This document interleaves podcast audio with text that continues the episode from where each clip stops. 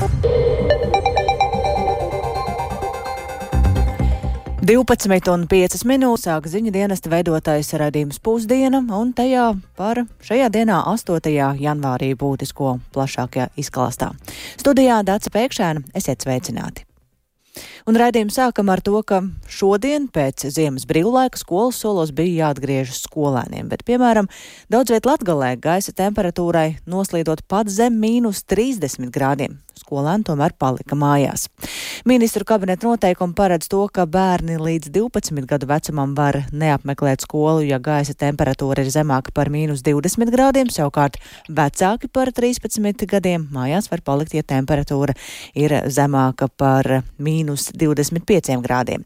Un šobrīd esam sazinājušies ar kolēģi Madaru Bērtiņu no Latvijas radio studijas Latgalē. Viņa ir gatava pastāstīt vairāk, kāda tad šī diena, kā šī diena ir iesākusies mācību iestādēs Latgalē. Sveika, Madara! Jā, labdien, Dārsa, labdien, klausītāji! Tieši tā šodien daudziem skolēniem Latvijā, īpaši tiem, kuri dzīvo ārpus pilsētas, sanāca par dienu pagarināt skolēnu ziemas brīvlaiku. Eh, jo lielākajā daļā manis uzrunāto skolu darbs klātienē šodien nenotiek vispār, un skolēni par to laicīgi arī tika apziņoti. Eh, piemēram, Viļānu vidusskolā informācija tika nodota pa visiem skolas eh, saziņas kanāliem, gan e-klasē, gan skolas mājaslapā un Facebook lapā, gan arī izsūtītas WhatsApp ziņas. Tātad direktori ir nosūtījusi informāciju visiem pedagogiem un attiecīgi klašu audzinātāji pēc tam ir informējuši savus, savas klases audzēkņus. Un, acīm redzot, tas ir veiksmīgi strādājis strādājis, jo šodien, kā pastāstīja Viļānu uh, vidusskolas direktori, neviens skolēns uh, skolā klātienē arī nesot ieradies.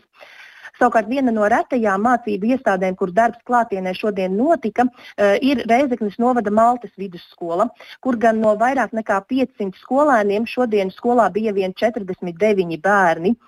Lūk, par salu un darbu šādos uh, apstākļos vairāk pastāstīs Maltas vidusskolas direktore Vinēra Dimpere. Paklausīsimies! Pie skolas man rādīja 24. Vienā ielā ir 28, citā ielā ir 26, kaut kur pie ezera 31. Tā kā nu, dažādi. Mēs esam tomēr ciemats un diezgan liels ciemats. Ja? Un, uh, pieņemt lēmumu, ka attālināti mēs tā nevaram un arī nedarīsim. Ja? Jo tomēr IKVD mājaslapā IKVD ir skaidrojusi, ka sals nav tas galvenais, kurš varētu tieši veidot šo mācības attālināti. Līdz ar to mēs pat par to nedomājām, ka varētu strādāt attālināti. Mums jau Covid ir iemācījies daudz ko.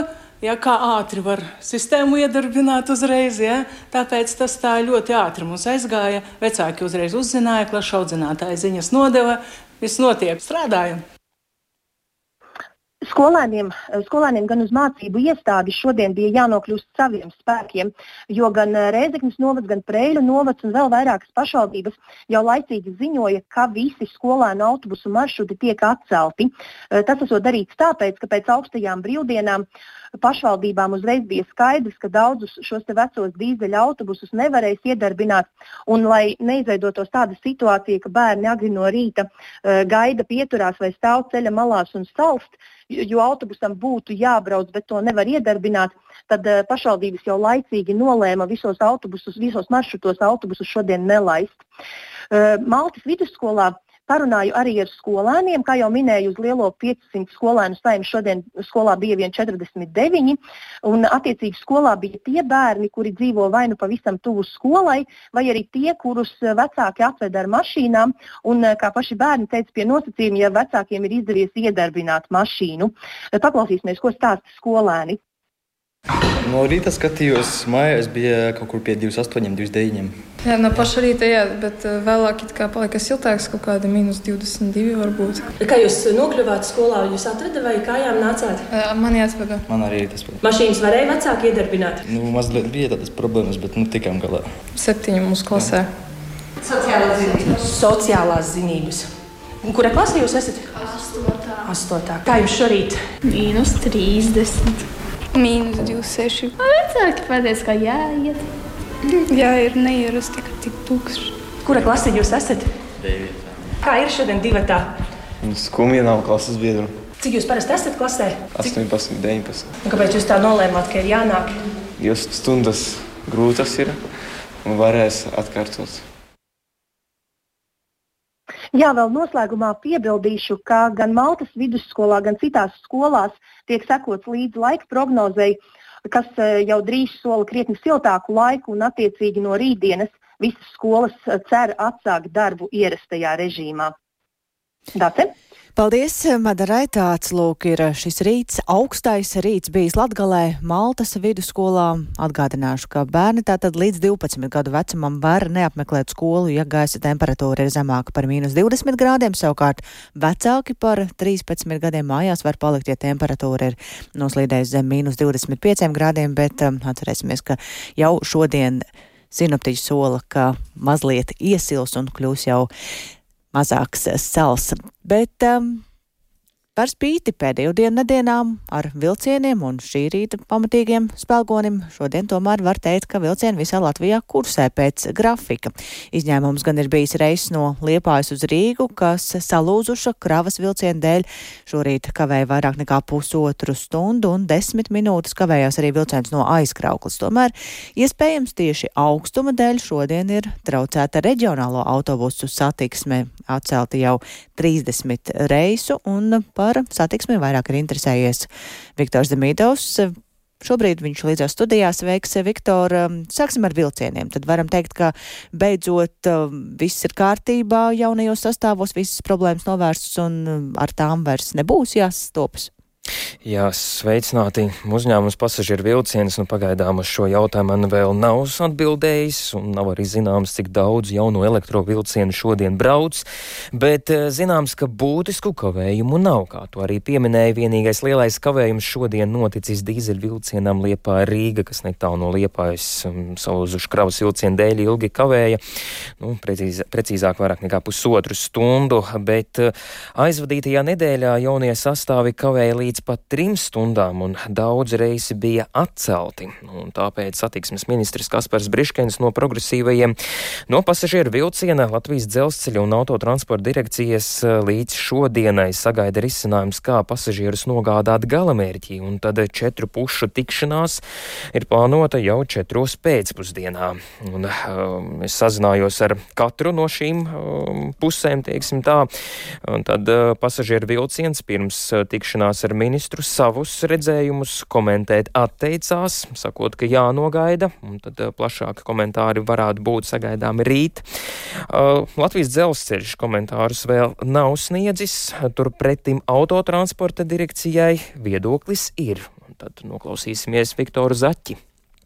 Nu, mēs plānojam paspriest par to, kāda ir to alternatīvo maršrutu, jeb pārbraucienu nodrošināšanu kaut kādos gadījumos, ka tiešām kaut kas nenotiek tā, kā vajag. Nu, piemēram, neiet vilciens kaut kādu iemeslu dēļ un tā. Un tad, protams, ka pasažieram ir jābūt pieejamai informācijai par to, kur tad ir tuvākās, nu, piemēram, ja vilciens neiet, kur ir tuvākās uh, autobusu pieturvietas, kādi autobusi no tās pieturvietas un cikos attiet. Šie ir jautājumi, kas mūsuprāt ir aktuāli, kas uh, nav līdz galam atrisināti, un tas ir tas viens no galvenajiem punktiem, kas uh, no autotransporta direkcijas puses būs apspriešanas kārtībā. Tālūk autotransporta direkcijas pārstāvis Viktors Zaķis savukārt ministri, ministra birojā teica, ka nu, tas komentārs varētu būt sagaidāms rīt, tāds saturīgāks, jo jāizvērtē katra puse un tas labākais risinājums. Savukārt, nu, ja tomēr vilciens kavē un pasažieri netiek, kur viņi vēlas, tad pasažieru vilciens uzņēmums uh, informē, ka ir tāda iespēja kā taksometrs, un cilvēki var izmantot šo pakalpojumu pēcāk iesniedzot čeku uzņēmumam, bet kā to, tad, kā to visu darīt, tad lūdzu plašāk stāsta uh, pasažieru vilciens uh, vadītājs Rodžers Jānis Grigulis. Gan elektroniski mājaslapā vivi.lv, protams, ir arī klātienē klienta apkalpošanas centrā Rīgas centrālajā dzelzceļa stacijā Nu, ja ir kādas kases, tad droši vien arī tur var nākt un iekšā uh, iesniegtos dokumentus. Pa pastu var sūtīt akciju sabiedrībai pasažieru vilciens Pērsas ielā 8 Rīgā. Un svarīgi, lai pielikt arī tos dokumentus, vilcienu biļete un arī tad, uh, dokumentus, kas apliecina, ka kaut kādi zaudējumi ir radušies un, un īsu aprakstiņu vajadzētu. Nu, pieņemsim, ja cilvēks gribēja braukt no jūrmālas uz Rīgu, lai paspētu uz lidostu, nu, tad tā arī jāieraksta, kad, eh, lai nenokavētu lidmašīnu, izmantoja taksometru, un tad arī taksometra tās izmaksas pielikt klāt. Un, protams, ka konta numuru arī Tālūk, Rodžers Jānis Griguls, uzņēmuma pasažieru vilciens vadītājs, bet es arī nu pat saņēmu ziņu no pasažieru vilciens, kā tehniskā departamenta vadībai tieši šobrīd ir sanāksme ar Škodu, un pēc tās tāda būs arī precizējumi par jaunajiem elektrovilcieniem. Jā, bet ja runājam par, um, par to, cik daudz čeku ir jau iesnieguši, arī tas pagaidām nav zināms. Es uzdevu jautājumu pasažieru vilcienam, nu, cik ir bet cilvēku. tādi ir? Tādi kopumā ir, bet cik no tiem ir, nu, precīzāk man nevarēja pateikt to skaitu, un, un, un tad eh, iespējams tas būs um, dienas laikā tas noskaidrosies, bet, ja runājam par autobusu satiksmi, nu, tad autotransporta direkcijas eh, vietnē ir minēti vismaz. Nu, 27, pareizāk sakot, reisi, kas šodien nenotiek, un uh, lielākai daļai ir minēti uh, tehniski bojājumi. Arī Autotransporta direkcijas pajautāja, nu, kādi ir tie, nu, tas ir sala dēļ, nevar vaļā, piemēram, durvis, vai tur nevar iedarbināt motoru vai kā citādi. Nu, tas viss ir nu, mūsu spēlgoņa dēļ, kas šodien Latviju ir pārņēmis. Nu, tātad risinājumi joprojām tiek meklēti, un uh, par tiem tātad satiksmes ministrs un arī iesaistītās amatpersonas plašāk sola stāstīt vien rīt. Tik tālu par to, ar ko ir jārēķinās pasažieriem, izvēloties vienu vai otru transporta veidu, bet eh, runājot par kravu pārvadājumiem, tad pēc zemkopības ministrijas datiem Latvija ir otrā lielākā Krievijas lauksaimniecības un pārtiks produktu importētāja Eiropas Savienībā aiz Spānijas, un līdz ar to šādā veidā mēs turpinām atbalstīt Krieviju, bet, lai tas nenotiktu, Krievijas graudu imports, gan arī tranzīts būtu jāaizliedz, tā Šorīt raidījumā labrīt kolēģiem Martais Kujai un Laurim Zvejniekam piekrita satiksmes ministrs Kaspars Briškens no progresīvajiem. Viņš norādīja, ka daudzus gadus ir runāts par to, ka Latvijā gan dzelzceļa, gan arī ostu darbība ir pārāk atkarīga no Krievijas krāvu apstrādes, un lai to risinātu, tad esot jārunā par Baltijā vienotu pozīciju šajā jautājumā. Paklausīsimies sarunas fragmentu. Šobrīd, protams, mēs esam šādā situācijā, kad nu, jau gandrīz 700 dienas pēc Krievijas asiņaināk pilna mēroga kara uzsākšanas Ukrainā Latvija joprojām apgādā Eiropu un pasauli ar Krievijas graudiem. Kā mēs dzirdam, Igauni nevis bija pirmie, kas runāja, bet pirmie, kas darīja. Jā, viņi un... tā arī nepieņēma šīs kravas. Jā, es šobrīd arī esmu jau sagatavojis vēstuli, kuras vērsīšos pie saviem Baltijas kolēģiem, lai mēs runātu par vienotu pozīciju.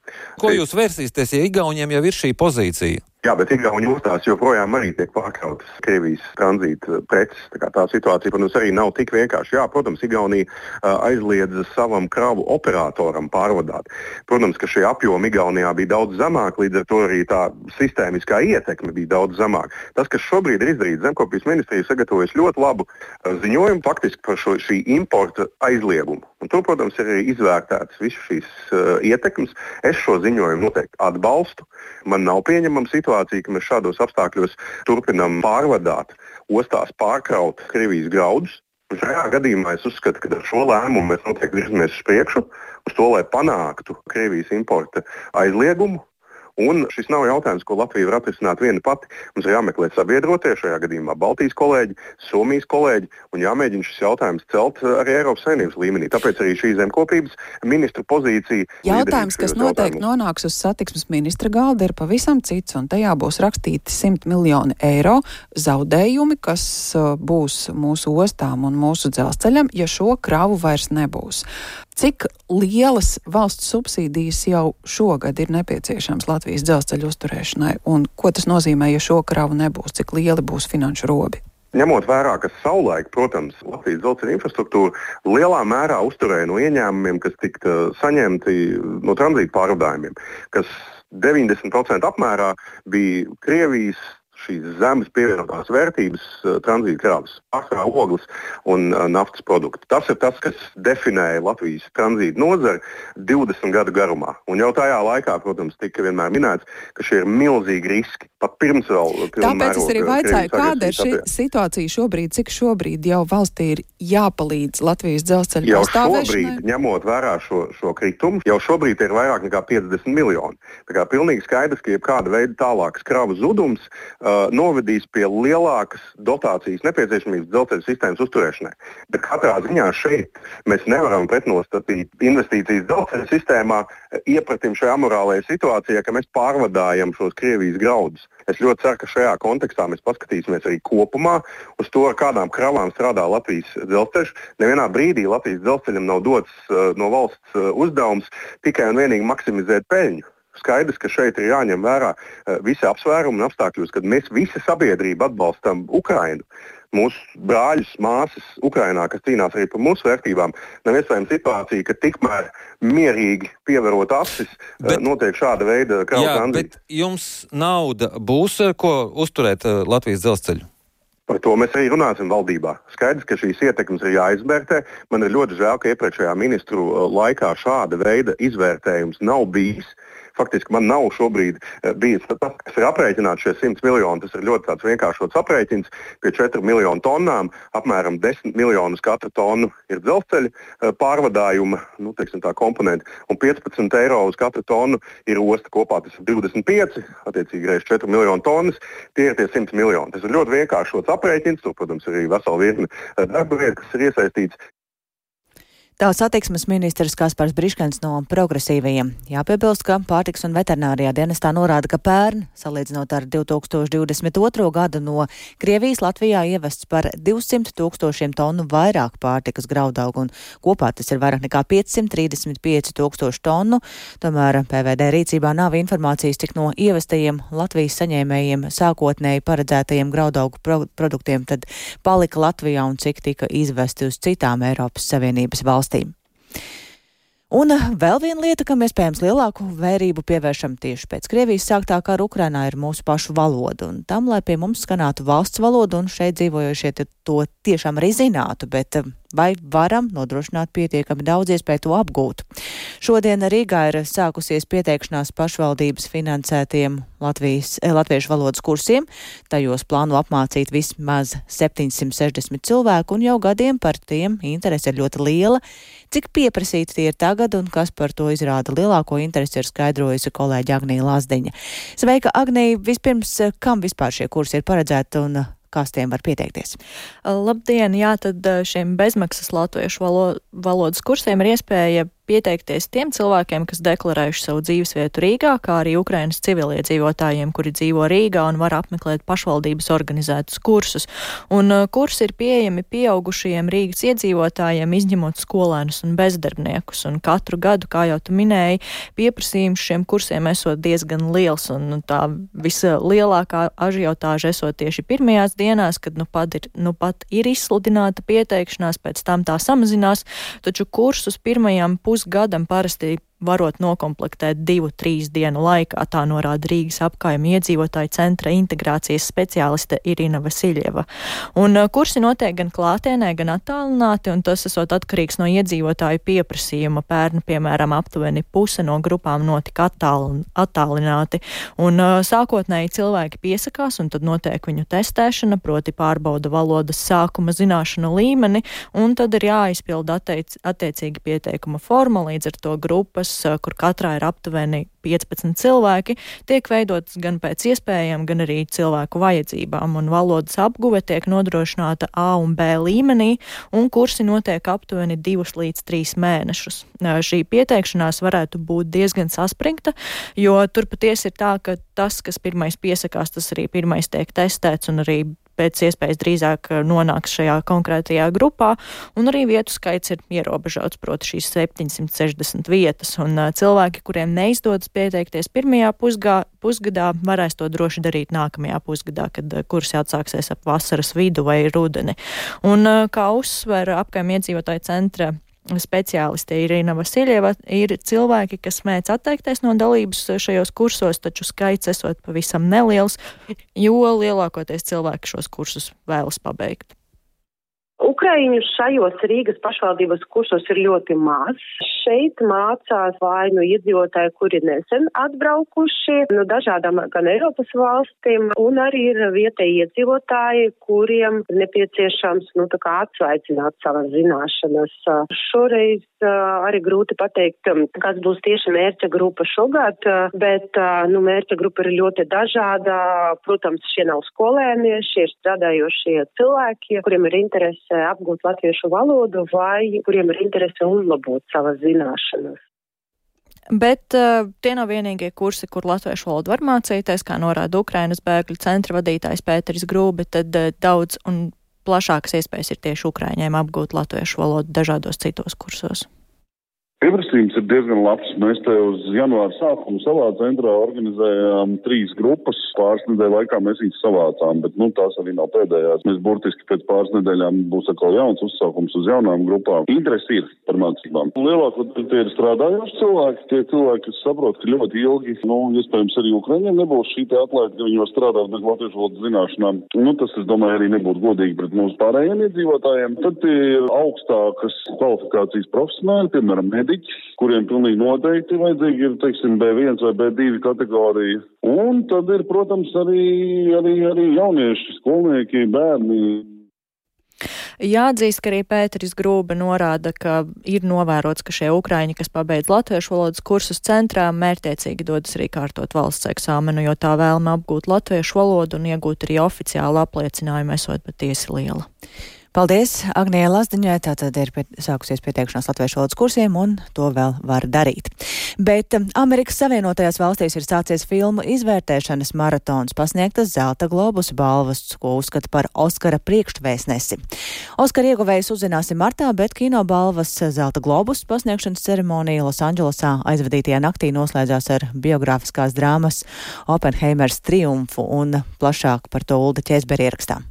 Šogad jau 81. reizi tika pasniegtas prestižās zelta globusu balvas. Pirms ceremonijas galvenais jautājums bija, kura filma saņems visvairāk globusu. Neapšaubāmas favorītes bija aizvadītajā gadā pasaules kinoteātros visvairāk skatītākās filmas - amerikāņu režisores Gretas Gērvigas fantāzijas komēdija Bārbija un britu režisora Kristofera Nolana biogrāfiskā drāma Oppenheimers. Bārbija bija nominēta deviņās kategorijās, bet Oppenheimers astoņās, taču gaidītā cīkstēšanās starp abām filmām izpalika.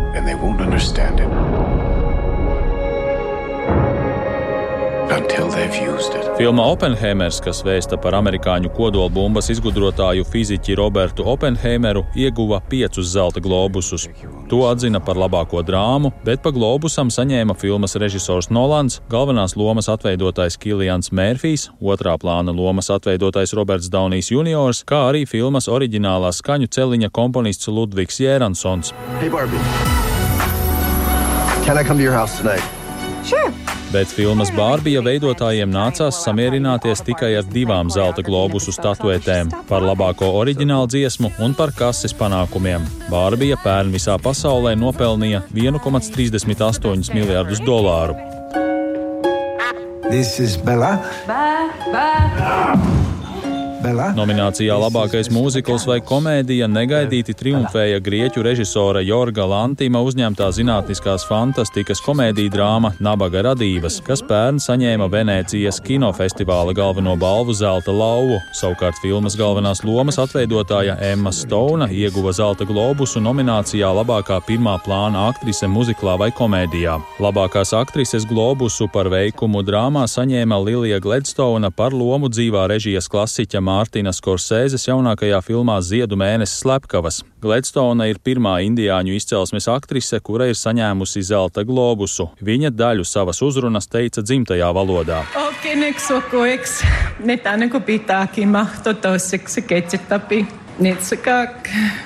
I'm so grateful that I can Esmu ļoti pateicīga, ka varu kaut nedaudz runāt savā dzimtajā valodā, jo šajā biznesā agrāk bija pieņemts, ka pirmie dzīvotāju izcelsmes aktieri runāja angliski, bet pēc tam viņu teikto atskaņoja atpakaļgaitā, lai uz ekrāna radītu iespaidu, ka viņi runā dzimtajā valodā. Šī ir vēsturiska uzvara, bet tā nav tikai mana uzvara.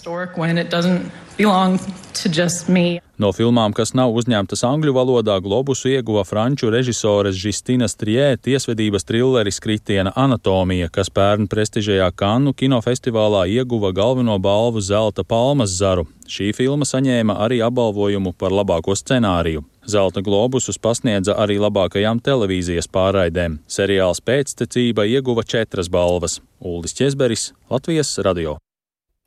Un ar to arī izskan raidījums pusdiena. To producēja Ilze Agīnta, ierakstus montēja Kaspars Groskops, par labskaņu rūpējās Regīna Bieziņa un ar jums sarunājās Dāts Pēkšēna. Uztikšanos atkal rīt! Yeah.